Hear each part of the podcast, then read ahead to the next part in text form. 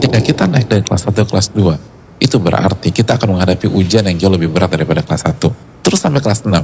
Lalu ketika kelas 6 kita tinggalkan bangku SD ke SMP, terus masuk SMA.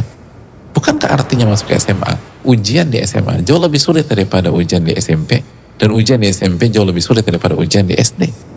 Konsekuensi kita naik kelas adalah ujian semakin berat. Itu pola yang sudah kita lakukan selama ini. Gak ada masalah. Kenapa begitu bicara akhirat dan ibadah jadi masalah? Yang jadi masalah bukan ujiannya berat atau ringan. Yang jadi masalah kita hadapi ujian nggak pakai ilmu.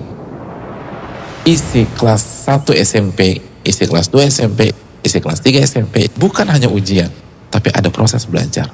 Dan belajar itulah yang membuat kita punya ilmu untuk menghadapi ujian tersebut. Oleh karena itu, jangan pernah tinggalkan ilmu dan amal ibadah. Insya Allah semua akan baik-baik saja. Allah akan tolong kita.